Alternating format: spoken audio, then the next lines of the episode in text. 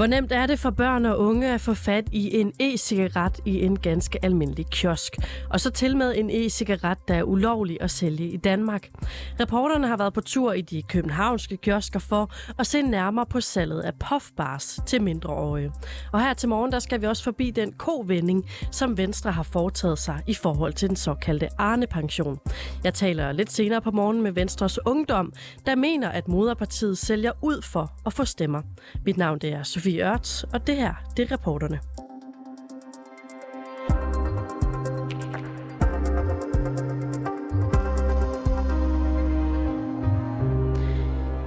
Den kulørte e-cigaret Puffbar, den kan købes flere steder i landet, også selvom man er under 18 år gammel. Her på reporterne, der har vi blandt andet talt med SSP i Frederikssund Kommune, der oplever, at børn helt ned til 11 år de kan få fingrene i den her kulørte e-cigaret. Men hvor nemt er det egentlig at få fat i sådan en puffbar i en kiosk i hovedstaden? Reporterne har besøgt øh, tilfældige kiosker rundt omkring i København for at høre, om de sælger de her populære, men også ulovlige nikotinprodukter. Vores reporter Mathias Stilling, han har besøgt tilfældige kiosker i Indre By, på Nørrebro og på Vesterbro. Det har han gjort sammen med 24-7's produktionsassistent der også hedder Mathias og er 17 år gammel. Lad os lige høre, hvordan det gik. Mathias, tak fordi at du vil øh, gå med mig rundt omkring i øh, København. Vi skal ud og kigge på nogle øh, puffbars. Ja, det er rigtigt. Det skal vi. Hvad, øh, lad os lige slå helt fast, hvad det er, at øh, vi skal bruge dig til i dag. Det du skal, det er, at du skal øh, ind i forskellige kiosker. Så skal du spørge, om øh, de har puffbars. Så skal du købe puffbars. Efter det, så går jeg ind og prøver at øh, tale med dem, hvis nu, at de sælger dig puffbars. Hvor gammel er det, du er? Jeg er 17. Du er 17, og det vil jo sige, at du også er øh, mindreårig, når det kommer til øh, tobaksvarer normalt. Øh, det er jo også, øh, uanset hvad, ulovligt at sælge puffbars i, øh, i Danmark. Mathias, øh, den første kiosk, du er klar? Ja, det er Det vi gør, det er, at du øh, går ind, og så øh, kommer du ud, og hvis du har noget med, så går jeg ind og konfronterer øh, kioskaren bagefter. Pøj, pøj. Yes. Nå, Mathias, hvad, øh, hvad sagde han? Han havde simpelthen ikke nogen øh, puffbars. Desværre. Øh, det mente han ikke, at de havde eller ville få. Sagde han, okay, så han sagde noget om, øh, hvor at vi kunne finde nogen? Nej, det gjorde han ikke, men han sagde, at der kommer mange og spørger om puffbars. Øh, men de har desværre ikke nogen. Okay, jamen øh, lad os gå videre. Er nu stop, Mathias? Fik du noget? Desværre nej, han havde ikke nogen puffbars. Lige nu, eller vil han få noget igen, eller? Det ved jeg simpelthen ikke. Han sagde bare, at det har han ikke. Okay. Jamen, øh, så må vi se om tredje gang bliver lykkens gang. Mathias, vi er øh, bevæget os over til øh, Nørrebro nu. Og øh, du skal ind i din første kiosk. Øh, jeg vil egentlig bare ønske dig et pøj pøj. Jeg øh, står bare her og venter.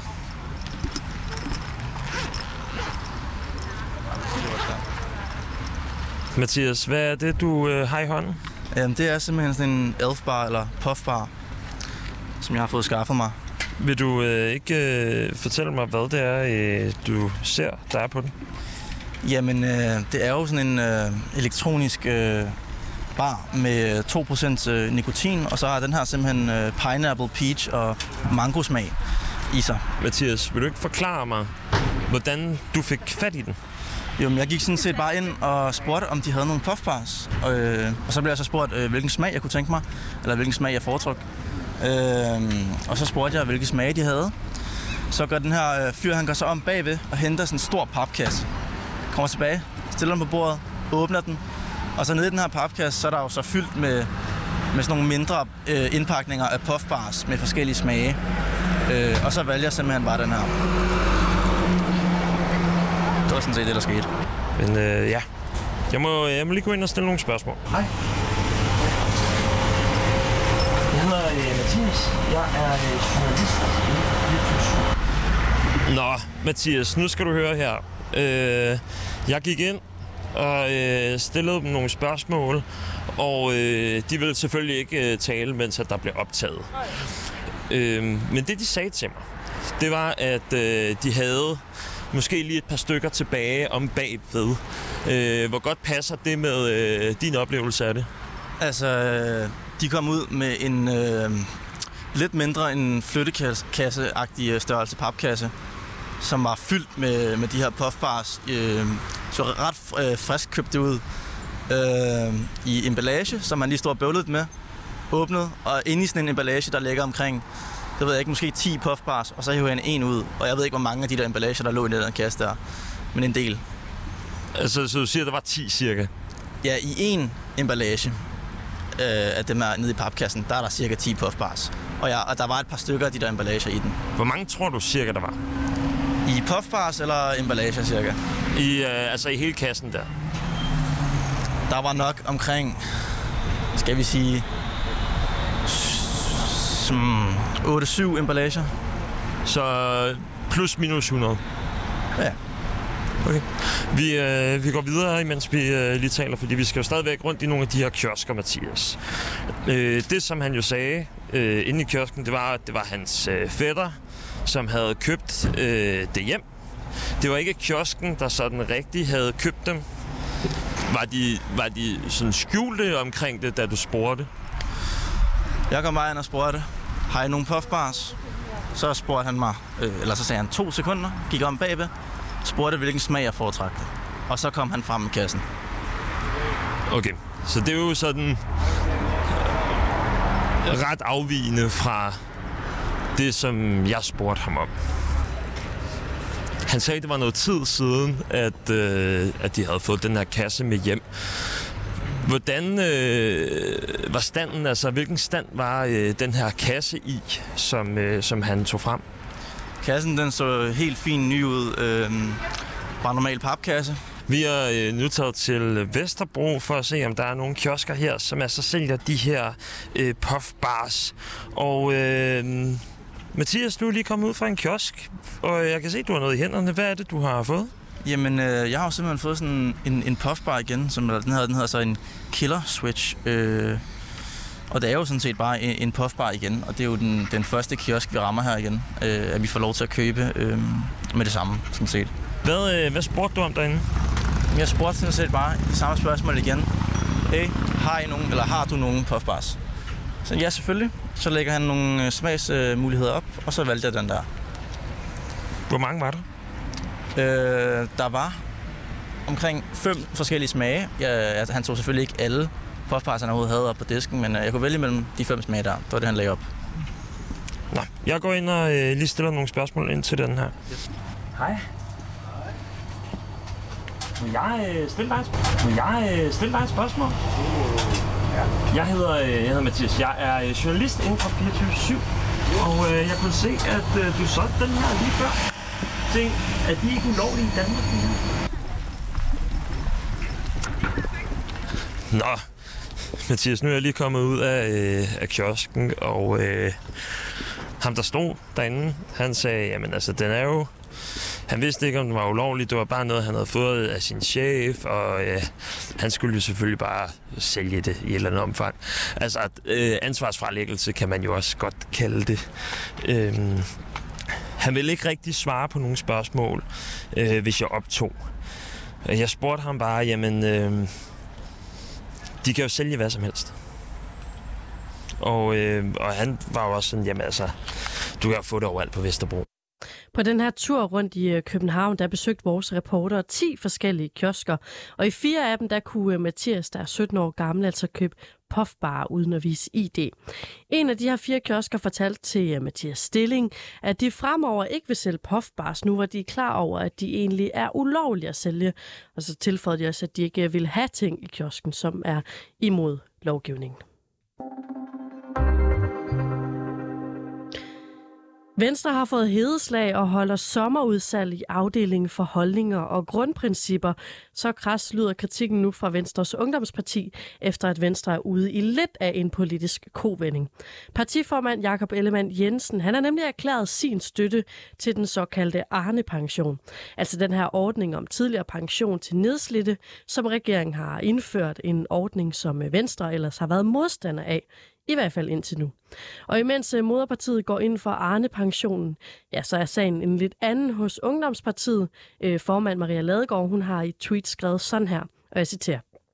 Venstre har fået hedeslag og holder sommerudsalg i afdelingen for holdninger og grundprincipper. Havde egentlig været sjovt, hvis øh, ikke det var så trist, og selv ud for stemmer. Maria Ladegaard, velkommen til programmet. Tak. Du er som sagt formand for Venstres Ungdom. Hvorfor skriver du det her tweet? Det gør jeg, fordi jeg, øh, ligesom mange andre, tror jeg i virkeligheden, blev noget øh, forundret. Overrasket, kan vi også sige, da jeg læste øh, den kronik, der var i Avisen.dk her i i tirsdags, hvor Venstre jo forlader alle de principper og alt det, de har kæmpet for de sidste, ja, siden før sidste valg, fordi der snart er valg igen. Og det kan man jo kun blive lidt overrasket over. Er det fordi, der er gået valgkamp i den, tænker du? Ja, jeg har simpelthen svært ved at finde øh, bedre årsager til sådan en kovending, end øh, bare sådan en ren og skær politisk øh, taktik og strategi. Og der er helt sikkert siddet nogen og regnet øh, på nogle tallesteder. steder. Så har man nok vurderet, det kan vi kun spekulere i, at øh, det vil være fordel i en valgkamp øh, og, og skifte holdning. Øh, men det er jo på mange måder politik, når det er værst. Politik skal jo gerne handle om, hvad man mener, ikke hvad vælgerne måske kunne komme til at mene. Og hvad mener du, hvad mener Venstres ungdom? Skal Arne-pensionen afskaffes?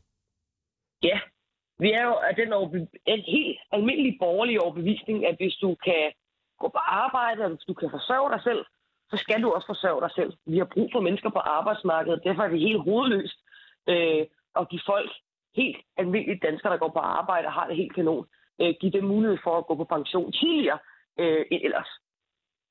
Hvorfor tror du, at... Øh, ja, nu siger du så, at det kan, det kan handle om stemmer. Kunne der være andre argumenter for, som du ser det, at Venstre nu går ud og laver den her politiske kovinding?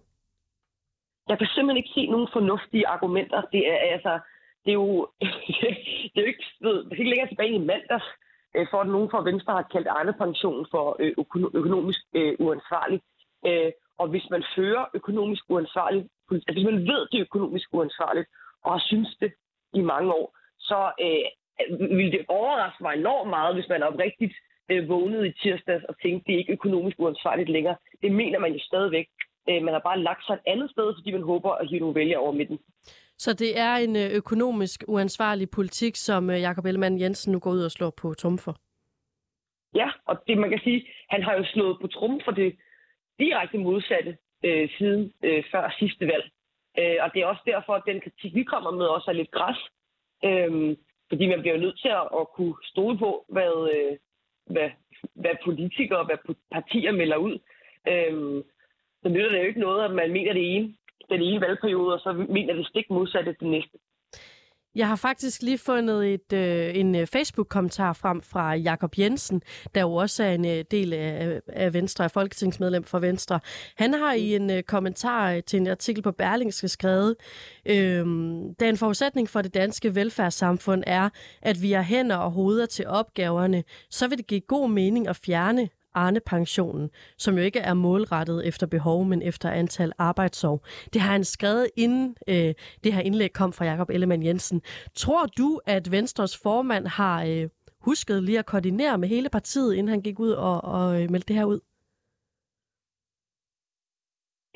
med, med hele partiet er måske så meget sagt. Altså, det, det, det er en melding, der ikke sådan nødvendigvis møder applaus i, øh, i baglandet jeg har selvfølgelig forventning om, at han har styr på sin, øh, på sin folketingsgruppe.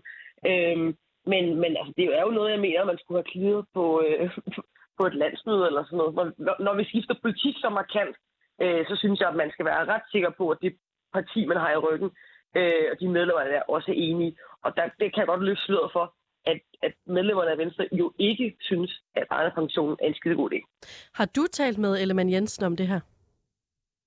Øh, jamen, altså, alle er jo på ferie, kan man sige, så det er jo svært lidt at komme igennem. Men jeg har sendt en mail både til ham og til Hans Andersen og til øh, Trussel Poulsen, øh, på baggrund af det indlæg, de har skrevet, hvor jeg også giver udtryk for, at, øh, at både jeg, men også mine medlemmer er øh, frustreret og overrasket og demotiveret øh, af den melding, der, der kom øh, der i, øh, i tirsdags.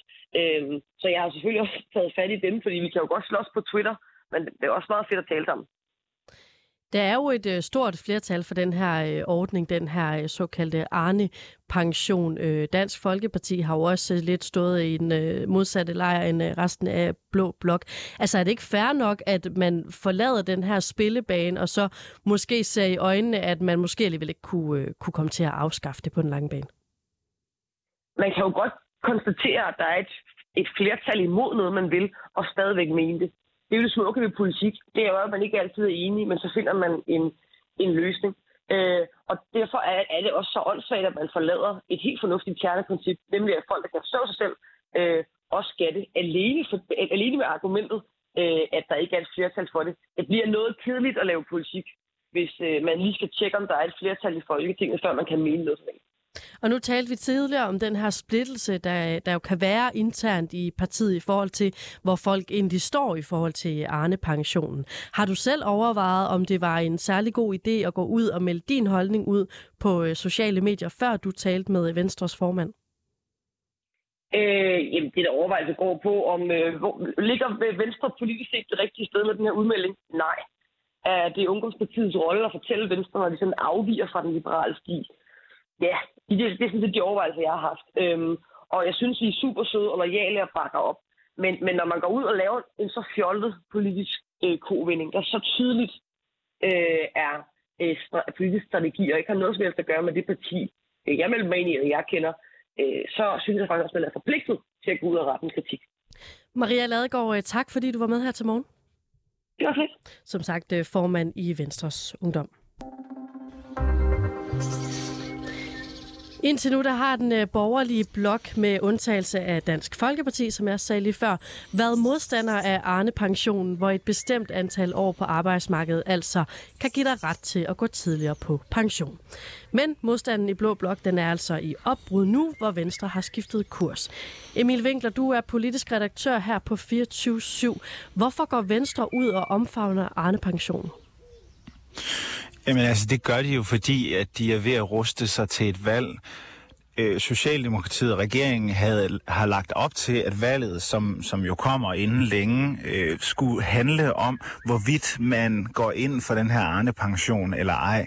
Der er et stort flertal af danskerne, der bakker op om den her ordning med tidligere tilbagetrækning for folk, der har været et langt antal år på, på arbejdsmarkedet. Og det store flertal var jo det, som Socialdemokratiet gerne vil spille på. Nemlig, er du klar på øh, Socialdemokratiet Socialdemokratiet og de rødes vej, hvor vi giver den her rettighed til nogle folk, eller vil du hellere den borgerlige vej, hvor vi fjerner rettigheder i velfærdssamfundet? Så derfor så har Venstre taget bestik af situationen og set, at den her, den kan de ikke vinde. Det her er ikke noget, man vinder valg på, hvis man vil afskaffe den, og derfor går de ud og omfavner den nu. Har Maria Ladegaard, der er formand for Venstres øh, Ungdom, ret, når hun siger, at Venstre går ud og sælger stemmer, øh, sælger ud for at få stemmer op til en valgkamp? Ja, altså det, er jo, det, det, det synspunkt er der i hvert fald flere, der deler, fordi det er jo en lidt speciel situation, at Venstre i en hel valgperiode har sagt, at man fjerner raske mennesker fra arbejdsmarkedet, og det er bestemt ikke god borgerlig politik. Og op til valget kaldte de det her for det største bluffnummer. Det vil aldrig kunne lade sig gøre, sagde de indvalget. Men nu har det vist sig, at ordningen er kommet. Danskerne er begejstrede for det. Der er flere danskere, end man havde regnet med, der er på, der går på den her ordning. Så derfor så øh, viser det sig jo altså, at, at hvis man skal øh, vinde valg, så er det i hvert fald ikke ved at være modstander af en så populær ordning. Og meget apropos det, øh, der har jo været meget snak om, hvordan øh, skal vi sammensætte regeringen efter det næste folketingsvalg. Vi har jo blandt andet et parti øh, med Lars Løkke i front, Moderaterne, som er øh, kommet ind og har sagt, jamen øh, vi synes, man skal lave et samarbejde over midten, og ifølge de seneste målinger, der har været, så har man talt om, jamen det kan være Lars Løkke, der sidder med de øh, afgørende stemmer. Det kan også være en person som Inger Støjberg, der sidder med de, øh, de afgørende stemmer.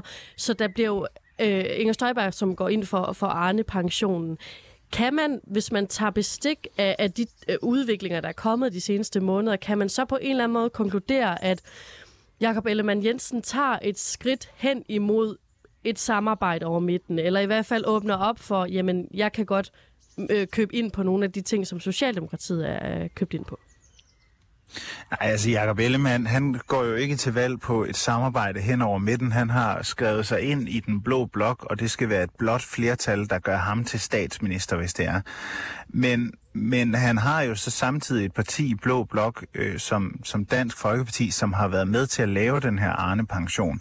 Og han har jo også øh, formentlig efter næste valg øh, Inger Støjberg, som han skal tumle med, øh, som jo også går ind for den her Arne-pension. Så det er ikke fordi, at han vil lave øh, et bredt samarbejde hen over midten. Han tager bare bestik af situationen i forhold til, hvem er det, der går ind for den her pension, og er det en kamp, der er værd at tage? Altså er det en kamp, som Venstre skal, skal spille benhårdt på, øh, fordi at de vil vise noget borgerlig øh, idé, øh, øh, hvad hedder sådan noget, idéførelse ved at være modstander af den her ordning. Og det er jo sådan en kamp, han har vurderet, at den, den skal Venstre ikke, den skal Venstre ikke kæmpe øh, i, et, i et valg. Og dermed så er det jo også en vejmand til Socialdemokratiet, fordi Socialdemokratiet havde virkelig håbet på, at de kunne stå i en valgkamp og sige, prøv at se derover i den borgerlige blok, de har slet ikke styr på tingene, og nu vil de i virkeligheden også fjerne velfærdsrettigheder. Er det virkelig det, I vil, danskere? Det havde de håbet på, at de kunne sige, og det bliver sværere for dem nu. Nu blev det lidt kludret, det jeg, det jeg spurgte dig om lige før, men, men altså ikke nogen indikation af, at Venstre kommer til at lave øh, et samarbejde over midten. Men kan det her i virkeligheden handle om, at man har set, hvordan det ser ud for øh, Danmarksdemokraterne i, i meningsmålingerne, og så retter man lidt ind efter det, fordi det kunne give mening efter et valg? Ja, jeg tror ikke, man skal ligge så meget i det. Altså, det har været øh, en snak, der er gået over længere tid omkring den her Arne-pension. Socialdemokratiet har virkelig forsøgt at punke de borgerlige igennem hele valgperioden i forhold til pensionen, og Venstre har været sådan lidt loren ved at svare meget klart på, om den skulle afskaffes, eller om den ikke skulle afskaffes. Modsat øh, konservative, som gennem hele valgperioden har været meget klare på, at, at hvis de kommer til magten, jamen så skal den her ordning afskaffes, og så skal man i stedet for have sådan en senior førtidspension, som man også lavede lige inden valget, som i virkeligheden øh, hjælper også de nedslidte, men bare på nogle andre kriterier. Ikke bare, at det er en rettighed, som du har, hvis du har været lang tid på arbejdsmarkedet, men mere, at hvis du opfylder nogle kriterier, så kan du trække dig tidligere tilbage. Og det har de konservative været meget klar på, at det er den ordning, de ønsker. Og Venstre har været knap så klar på, om de egentlig ønskede øh, at afskaffe den her Arne-pension. Men det siger de jo så meget klart nu til danskerne, at hvis det bliver os, der bliver valgt, så skal I ikke forvente, at den her Arne-pension bliver afskaffet. Så hvordan kan det her komme til at påvirke dynamikken i den borgerlige øh, blok? Vi har jo set meget tydeligt, at de konservative går ud og tager øh, meget skarpt afstand til den her melding fra, fra Jakob Ellemann Jensen. Så det, blandt øh, konservative og liberale alliance, så bliver det i hvert fald øh, et lidt mere øh, svært forhold i forhold til, til, til den øh, fordeling og økonomiske politik. Men altså, det er ikke noget, som kommer til at skabe dybe skår i den blå blok. De skal nok finde en løsning, hvis de skulle få et flertal. Emil øh, Winkler, tak fordi du var med. Selv tak. Som sagt, politisk redaktør her på 24 /7.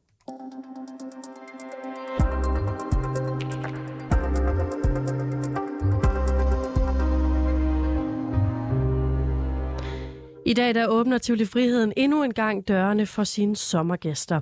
Præcis en uge efter, at en tragisk ulykke i forlystelsen Kobran kostede en 14-årig pige livet. Men allerede onsdag, der kunne gæster, ansatte og turister stikke hovedet ind i parken, der holdt åben fra 14 til 18 til en såkaldt stille åbning.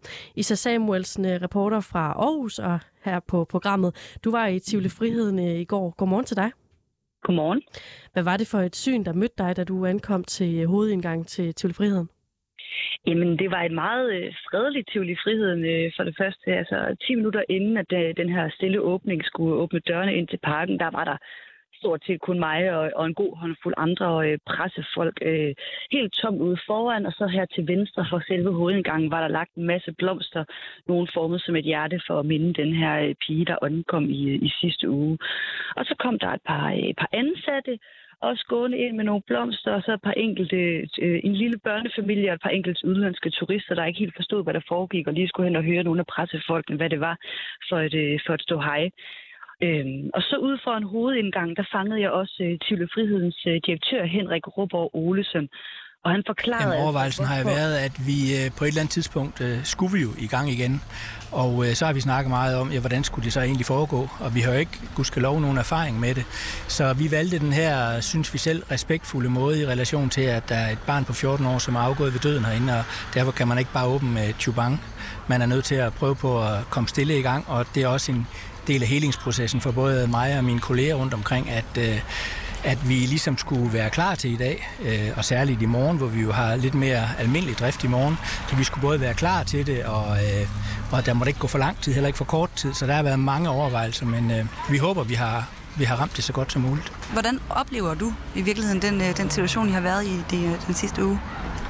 Jamen, jeg har aldrig prøvet noget lignende i mit liv. Jeg håber heller aldrig nogensinde skal gøre det igen. Det er så ubeskriveligt ubehageligt. Og så skal man huske på, at hvis jeg synes, det her det er ubehageligt, så er det for absolut intet at regne for de folk, der har mistet et barn, eller har et barn, som er til, kommet til skade. Så det er nogle gange det, jeg tænker, okay, vi har det skidt. Der er så også nogen, der har det værre end os. Jeg forestiller mig, at der kunne være mange, der kan gå rundt med den der uro, man i forvejen normalt på en normal dag kan have i maven. Kan jeg nu sætte mig op hvis, i den her forlystelse og være tryg? Hvad vil I gøre for at, at tage hånd om jeres øh, gæster på den måde? Jo, men altså, vi vil, øh, vi vil være ekstra operatører rundt omkring, for at øh, hvis der er nogen, der har brug for en støttende hånd, og vi vil også sige til folk, hvis du ikke har lyst, så skal du for alt i verden lade være. Altså, det, det er jo en meget individuel ting, om man har lyst til at sætte sig op i forlystelserne fra i morgen af. Altså, jeg, jeg, jeg ved det jo ikke, fordi det aldrig prøvet før, men vi er ekstra bemanding på her de kommende dage, for ligesom at hjælpe så meget vi kan, og tage alle de hensyn, vi kan. Øhm, der er jo nogle undersøgelser i gang nu. Øh, der skal selvfølgelig finde ud af, hvad der er sket her, og der har jo været problemer med øh, den her forlystelse før. Nu er den blevet lukket ned, men, men hvad er gået igennem sådan refleksioner om jer i forhold til, til den her forlystelse, at det kunne ske? Jamen, der går mange refleksioner igennem hovedet. Altså, vi har jo brugt meget tid på at aflevere en hel masse dokumentation til myndighederne, til politiet for, hvordan vi har vedligeholdt banen og alt, hvad der er sket. Og øh, jamen, det, det har vi jo brugt meget tid på, men det er jo også en del af det, der skal til for, at myndighederne kan lave en vurdering af, hvad der er gået galt her. Kan I sige noget om endnu, hvem, hvem der har ansvaret for, at, at det er gået så galt, som det gik? Nej, det kan vi ikke. Østjyllands politi undersøger øh, som sagt stadig, hvad der gik galt i torsdags, da Kobrans bagerste vogn knækkede af, så den kom til at hænge ned under de andre vogne. Og derudover så har Teknologisk Institut fået en del af forlystelsen for at lave de her tekniske undersøgelser af sagen. Isa Samuelsen, du er fortsat øh, med mig her. Vil du ikke prøve at sætte nogle ord på, hvordan stemningen var inde i Tivoli Friheden i går? Jo, altså det var en meget, øh, meget speciel øh, stemning. Tivoli Friheden er jo som alle andre forlystelsesparker, vi kender i Danmark. Altså det er jo noget, man forbinder med sommer, og der plejer at være masser af glade børn og skrig og skål, både fra forlystelser og folk, der har det sjovt, men øh, unger, som også vil have flere is, eller hvad det nu kan være. Øhm, og, og parken var simpelthen altså, helt stille. Det var, det var meget specielt at være derinde. Hvordan så der ud foran den her øh, forlystelse Kobran? Jamen altså hele den her forlystelse, det er ligesom pakket ind, kan man sige, i et stort... Øh, altså, det er jo ikke plastik, men det ligner lidt stor plastik, og det er den også normalt. Så den, den var sådan lidt sløret på en måde, og så, Øh, og så var selve toget, altså den vogn, man sætter op i, den var fjernet fra forlystelsen, og så lå der en del øh, blomster. Det var også her, folk kom hen og lagde en blomster, der var tændt nogle øh, lys. Men udover det, så oplevede jeg faktisk også, at når folk ligesom havde været henne og lige kigge, lægge den blomst, eller lige se, hvor det skete, så trak de også væk igen. De trak enten hen til vandet, eller til nogle af de bænke rundt omkring i parken, hvor der var lidt mere ro, og hvor man måske ikke skulle sidde og kigge på den her forlystelse, der var, der var skyld i den ulykke, der, der fandt sted sidste uge. Og hvem var det, der var øh, forbi øh, parken her i går? Jamen altså, jeg var jo i Tivoli Friheden cirka halvanden times tid, altså ind til, til lidt i tre. Øhm, og, og der var rigtig mange af de ansatte faktisk. Der var også en del ældre aarhusianske ægtepar, øh, som gik rundt. Nogen, som boede tæt på parken, som ligesom var inde og lige kigge og du ved, øh, vise, vise sin respekt. Og så var der så den her håndfuld udlandske turister, som ikke forstod, hvad man, øh, hvad man talte om, når man, når man snakkede til dem. Men øh, så mødte jeg også øh, nogle af dem, som havde været inde i parken i torsdags, da ulykken skete. Og det var blandt andet, så snakkede jeg med en mor og hendes teenage-datter, der havde, teenage her, der havde været i Tivoli Friheden med sin ven i, i torsdags. Altså, jeg er jo kommet herind i dag, fordi min datter har øh, været på besøg herinde i torsdags, hvor det skete.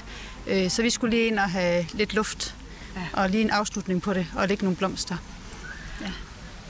Det er jo meget stille. Altså, jeg har aldrig nogensinde været i, i Tivoli Friheden i, i så stille et, et setup, hvis man kan sige det. Hvordan synes I, det er at være herinde igen? Vi har lige siddet nede ved søen og lige skulle øh, bare lige være her og bare lige mærke stemningen, og vi sagde, at det er en rigtig fin måde at, øh, at åbne det op på en god måde, og ja, en stille måde, og respekten og for den unge pige, ikke? Øhm, ja, jamen, man bliver helt rørt. Ja. ja. Det er, det er også hårdt. Det, det er helt okay, men ja. kan du prøve, fordi, hvor, hvad er det? Nu bliver jeg også lidt rørt, ikke? Det, det, det går som, øh, det smitter og sådan noget, ikke? Men hvad er det, der, der sker, når, når det egentlig er, du bliver rørt herinde? Jamen, jeg blev rørt, fordi min datter har været her, har oplevet den der kritiske øhm, situation. Ja. Øhm, jeg ringede hjem og sagde, nu er jeg hjem, jeg skal ikke være herinde mere. Øhm, stod og kiggede på det, da det skete. Ja. Så vi skulle lige ind og have, have en afslutning ja. på en fin måde. Jeg forestiller mig også, det er vigtigt i forhold til at komme her ind igen. Og det er jo lige præcis derfor, vi er her. Netop for at se, jamen, det er ikke værk, altså det er ikke noget, der skal ske, og det er ikke noget, der sker.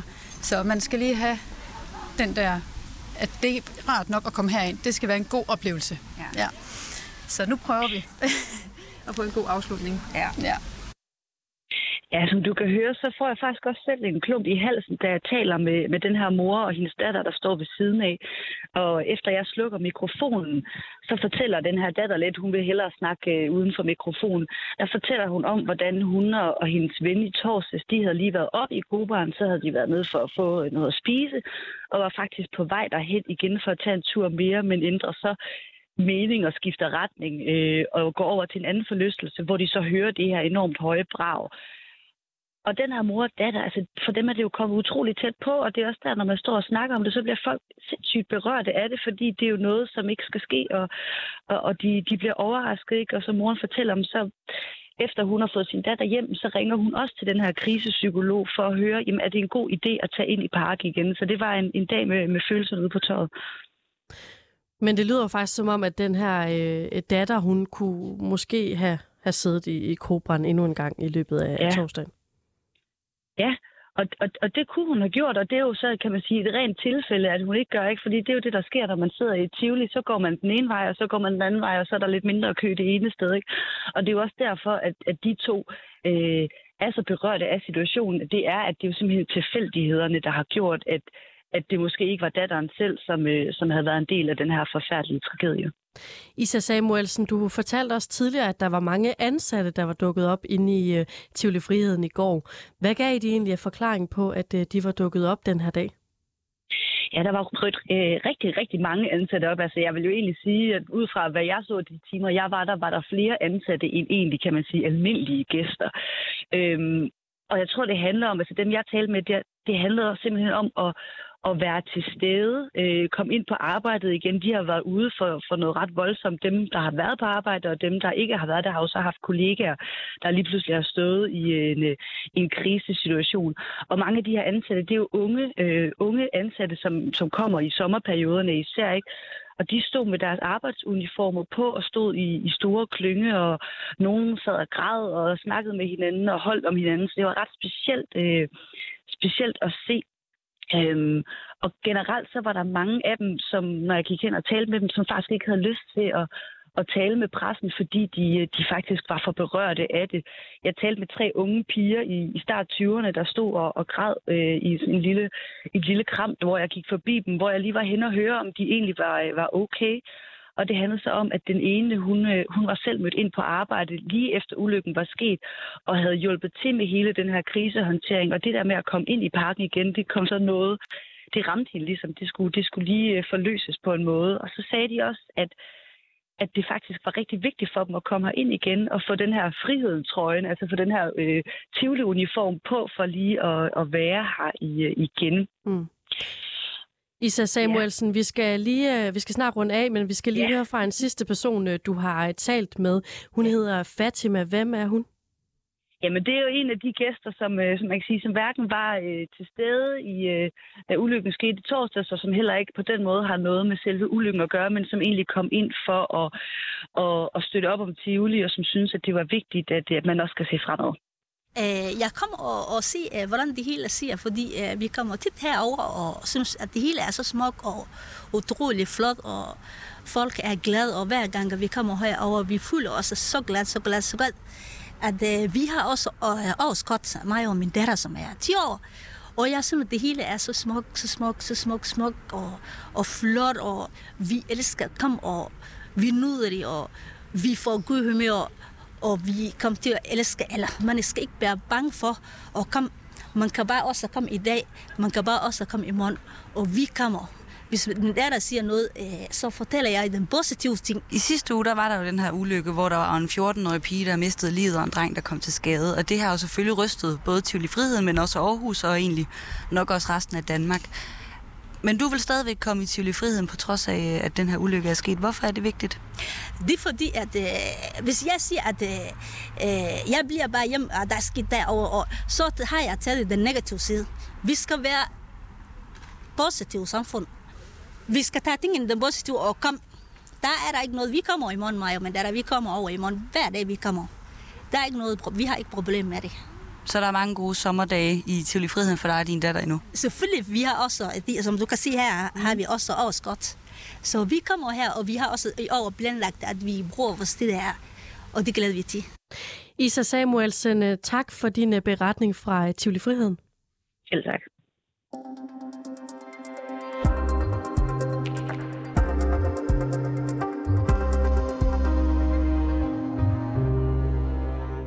The United Kingdom is a great country, and I know that a united Conservative Party can unleash the potential of all the people who make our country so great. We've had enough of division. Politics at its best is a unifying endeavour, and I have spent my career bringing people together because that is the only way to succeed. Kampen om at blive Storbritanniens næste premierminister, den spidser for alvor til. Og de to personer, du har hørt her, det er de to, som nu skal kæmpe om at overtage Boris Johnsons plads, både som konservativ leder, men også som landets næste overhoved. Der er tale om Rishi Sunak, der som finansminister forlod sin post i protest mod Johnsons skandaler. De skandaler, der i sidste ende også fik ham til at forlade sin post. Og så Liz Truss, der som udenrigsminister blev til en bidre ende. Jeg har spurgt Mette Dalgaard, der er 24-7's korrespondent i Storbritannien, hvad der taler for de her to kandidater. Og vi starter med at se på, hvad der taler for Rishi Sunak. Jamen, det gør øh, det faktum, at han sælger sig selv som den økonomiske ansvarlige kandidat, og han appellerer med, dermed til det, man kan kalde venstrefløjen i partiet. Øh, Richard Sunak, han har egentlig indtil nu troet på lave skatter, men fordi inflationen er så høj her i Storbritannien, så siger han, at vi skal have styr på øh, inflationen, før vi kan give lave skatter. Øh, han er, hvis jeg skal give lidt mere baggrund på ham, en fyr, der er uddannet fra Oxford og finansmand øh, øh, hos øh, tidligere finansmand hos Goldman Sachs. Og så er han faktisk også øh, utrolig styrtende rig selv, fordi han er gift med øh, arvingen til den øh, indiske, eller til den, en af de rigeste mænd i Indien. Øh, han er kendt for, for sådan positivt for at stå bag de der hjælpepakker, der hjælper øh, britiske virksomheder igennem pandemien. Og han kommunikerer også bedre end øh, hans modstandere, øh, og han fik flest stemmer i det her udvikling, udskillingsforløb, der har været. Hans store problem er bare, at baglandet faktisk foretrækker hans øh, modkandidat. Baglandet foretrækker altså hans modkandidat Liz Truss. Kvinden, der som sagt forblev udenrigsminister under Boris Johnson. Jeg spurgte med Dalgaard, hvad der ellers taler for, at Truss hun går hen og bliver landets leder. Jamen, øh, det gør det faktum, at hun øh, prøver at mime øh, det her ikoniske konservative idol, øh, Margaret Thatcher, som hun har. Øh, hun prøver at mime hende både i stil og i politik. Altså, og hun har flest fans på partiets højrefløj på grund af de her løfter om store skattelettelser, en lille stat, og så den her benhårde Brexit-kurs, som hun også har stået for. Øh, hun var også den, som stod last og bræst med Johnson, øh, da, da, da, da Øh, hans tid var kommet, at hun sagde, at hun stod øh, 100% bag ham. Øhm, og så siger hun jo også, øh, at hun er damen, der leverer, og, og, øh, og mener, at hun kan gå direkte ind i Downing Street og få simpelthen tingene gjort. Øhm, hun vil øh, bid, øh, hun vil øge bidraget til forsvaret, og så vil hun låne sig til skattelettelser, så britterne kan få deres øh, lønninger til at strække længere. Øhm, Sunak, han kalder hendes økonomiske politik et løfterigt eventyr, og det mener han bestemt ikke positivt. Øhm, og, han siger også, at hendes politik vil øge inflationen. Men målinger tyder lige nu på, at baglandet faktisk foretrækker øh, Truss, som fremstår sådan lidt mere kajtet øh, i forhold til Sunak, øh, når man ser dem i tv-debatter. Og det er netop det her konservative bagland, som nu skal vælge landets næste premierminister. Frem til nu har der været det her udskillingsforløb, hvor at, øh, parlamentsmedlemmer har kunne prøve forskellige kandidater, og nu står vi altså så med to kandidater tilbage. Og de skal så turnere rundt i lokalforeninger for at bejle til deres egne partifælder. Og det er altså 160.000 cirka medlemmer af partiet, der skal stemme om, hvem der skal være den næste premierminister og også leder for partiet. Og det er ikke en særlig sådan, demokratisk proces, i hvert fald ikke set med danske øjne. For dem, der beslutter, øh, hvem der skal være den næste premierminister, de udgør faktisk kun 1% af de stemmeberettigede i hele Storbritannien. Og hvis man kigger nøjere på dem, så er det overvejende mænd. De er oftest mere end 50 år gamle. De er mere velhavende end gennemsnittet, og så bor de typisk omkring London. Det siges, at baglandet har en forkærlighed for Truss, men det kan faktisk godt ændre sig, hvis meningsmålinger viser, at Sunak han har en bredere appel ud over baglandet selv. Altså, hvis man kigger videre til det næste valg, der bliver om to år, så kan det godt være, at baglandet siger, okay, Sunak kan have en bredere appel. Hvis vi gerne vil holde magten, så kan det være, at det er ham, vi skal, ham, vi skal gå med. Men lige nu tyder det altså på, at baglandet øh, favoriserer Truss. Tidligere på ugen der udgav øh, analyseinstituttet YouGov en undersøgelse blandt konservative medlemmer. Her der svarede medlemmerne, at det vigtigste for dem i en ny premierminister, det er vedkommendes personlighedstræk, og så det, at vedkommende lever op til det, der bliver kaldt for traditionel konservatisme. Og så er spørgsmålet, hvem af de her to kandidater, der bedst lever op til det. Jamen, det er jo en smagsag. I, i, I hvert fald det med personlighedstræk. Man kan sige, at, øh, at øh, Truss, fordi hun jo netop prøver at meget at mime den her velkendte øh, stil fra Margaret Thatcher, hun vil have en øh, appel hos nogen, hvor man kan sige, at dem, som er mere... Øh, øh, hvad skal man sige, dem man kan sammenligne mere med det radikale venstre, for eksempel i Danmark, som også fagnes af det konservative parti, de vil nok sige, at øh, Sunak, han er, han er mere vores mand. Øhm, og det er jo, kommer jo ned til den politik, de også fører. Altså, hvilken økonomisk politik tror man på? Tror man på skattelettelser, som kan bringe øh, toget videre, eller tror man på, at inflationen skal i bund? Så dybest set er det jo et, et, et smagsag. Men jeg tror, de mere sådan ærkekonservative vil sige trust. Britterne de skal til valgurnerne igen om bare to år, og hvis den nye premierminister skal genvælges, ja, så er der altså en del problemer, der først skal tages hånd om. Det er helt klart den økonomiske situation. Altså inflationen slår alle rekorder lige nu, og priserne på mad, benzin og, og varme, altså forsyning, det stiger helt vildt, øh, uden at lønningerne følger med. Og mange familier, de lever i forvejen på grænsen. Og til efteråret, det har sagt før til jer, men nu siger jeg det igen, så vil mange skulle vælge mellem at varme huset eller få mad på bordet. Og det er en reel situation for mange familier i Storbritannien. Så det bliver den store politiske hovedpine.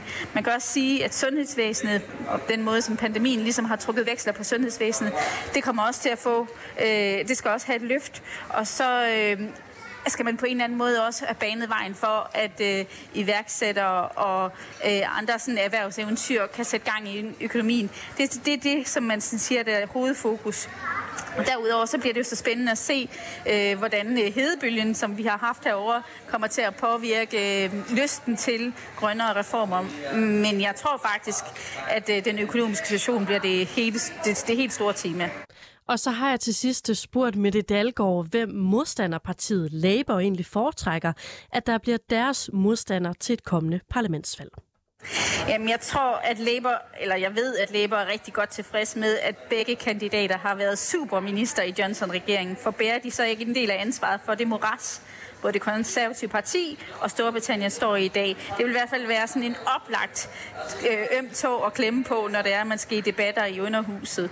Øh, når det er sagt, så, så, så ligger Richard Sunak, Sunak nok længere væk fra den gennemsnitlige britiske borger. Han er jo som sagt styrtende rig, måske faktisk for rig, til at vælgerne føler, at han kan forstå deres situation.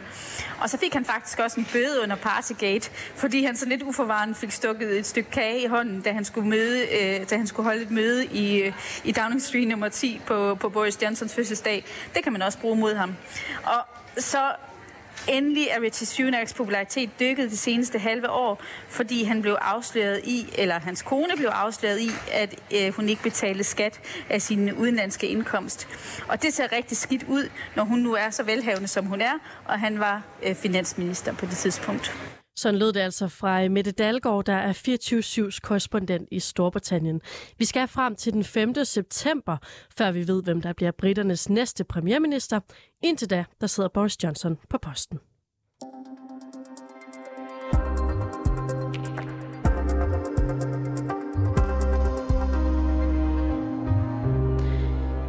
Vi skal nu til Nordkorea, hvor Ruslands ambassadør i hovedstaden Pyongyang siger, at Nordkorea kan sende arbejdere til de to udbryderregioner, Donetsk og Luhansk i Øst-Ukraine. Ja, du hørte rigtigt nordkoreanske arbejdere til Øst-Ukraine. Arbejdere, som ifølge ambassadøren skal hjælpe med at genopbygge det krigshærede område. Den her udmelding den kommer en lille uges tid efter, at Nordkorea, som en af meget få lande i verden, har anerkendt Donetsk og Luhansk som værende selvstændige republikker. Godmorgen Camilla Nørup Sørensen. Godmorgen. Du er lektor på Institut for Strategi og Krigsstudier på Forsvarsakademiet, hvor du har særlig fokus på østasiatisk sikkerhedspolitik. Mm. Er det realistisk, at Nordkorea vil sende arbejdere afsted til Østukraine? Ja, altså hvis, øh, hvis Rusland er villig til at betale, så er det bestemt realistisk, at, at Nordkorea vil sende, sende arbejdere afsted. Altså de her nordkoreanske arbejdere, de bliver jo sendt ud for at tjene øh, udenlandsk valuta hjem til det nordkoreanske regime. Øh, og det har været forbudt øh, at modtage nordkoreanske arbejdere øh, i, i, i, ifølge nogle FN-sanktioner. Altså Nordkorea er jo under et meget hårdt sanktionsregime, og der var nogle sanktioner i 2019, som specifikt gik på, at man ikke måtte have de her nordkoreanske arbejdere. Øh, men det har Nordkorea, eller det har øh, Rusland fortsat med, Øh, det har Kina også, det har Laos, Vietnam også. Altså de her nordkoreanske arbejdere er derude, kan man sige.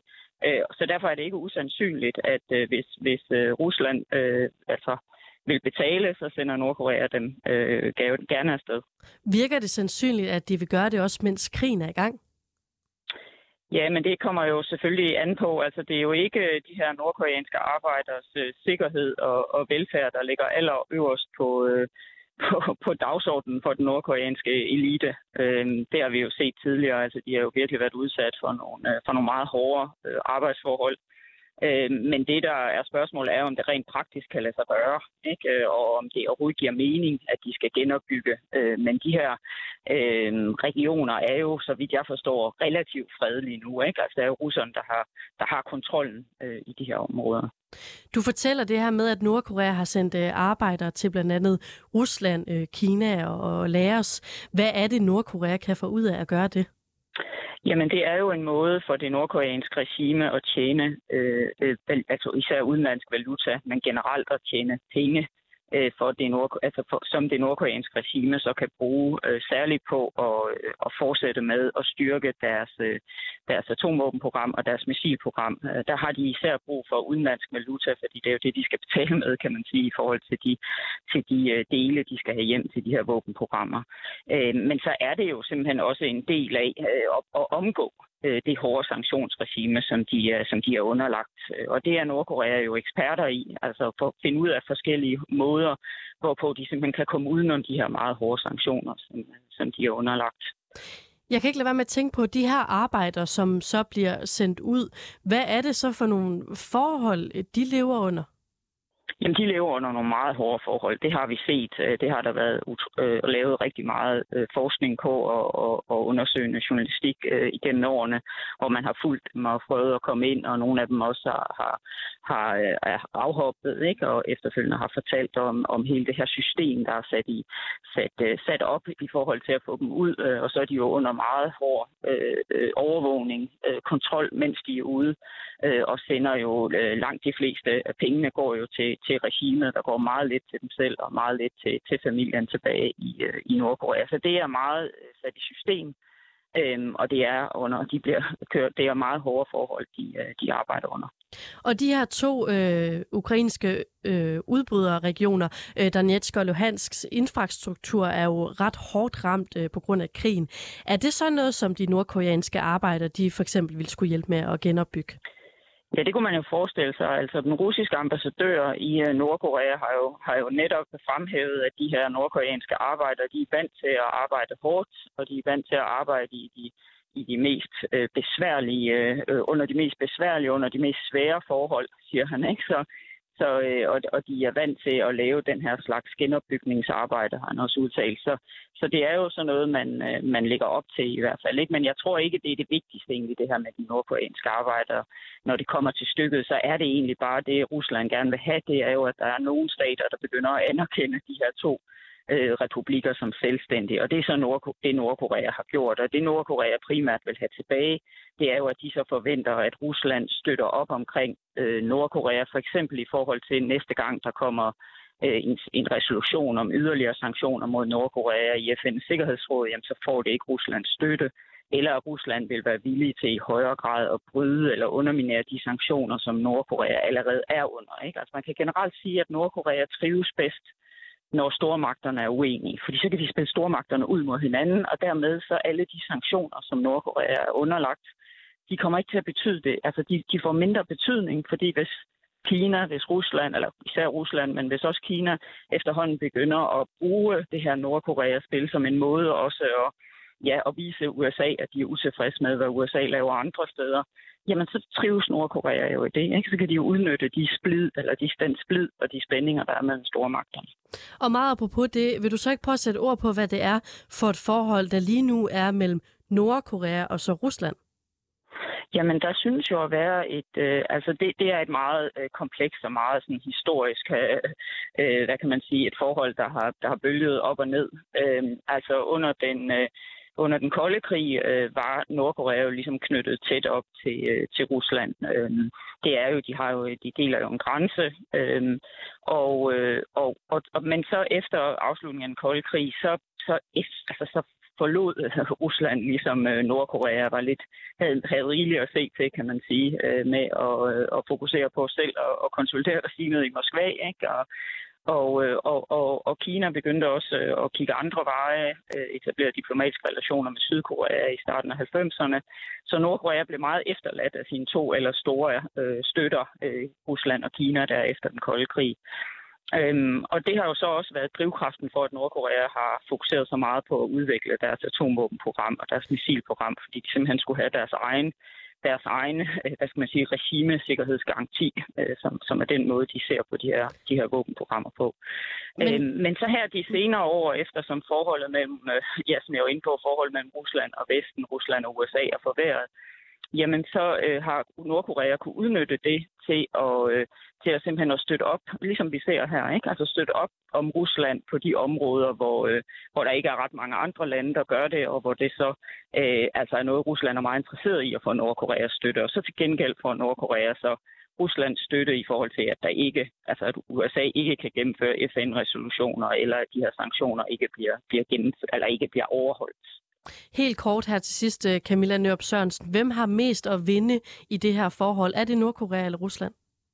det er bestemt Nordkorea, der har mest at vinde, og sådan er det gerne. altså Nordkorea har jo en eminent øh, evne, øh, og det er jo selvfølgelig også, fordi de er så utrolig øh, nådesløse, men de har en eminent evne til at, øh, til at udnytte selv de små, små muligheder, der er øh, for at, øh, og, og, og, altså for at, at de her sanktioner bliver svækket, ikke? Mm. eller for simpelthen at udnytte ting til egen fordel, og det er også det, de gør her. Camilla Nørup Sørensen, øh, tak fordi du var med. Det var slet. Som sagt, lektor på Institut for Strategi og Krigsstudier ved Forsvarsakademiet. Det var alt, hvad vi nåede i dagens udgave af reporterne. Christine Randa, hun var producer. Mit navn det er Sofie Ørts. Jeg er tilbage igen i morgen fra klokken 8 til 9. Nu er der nyheder.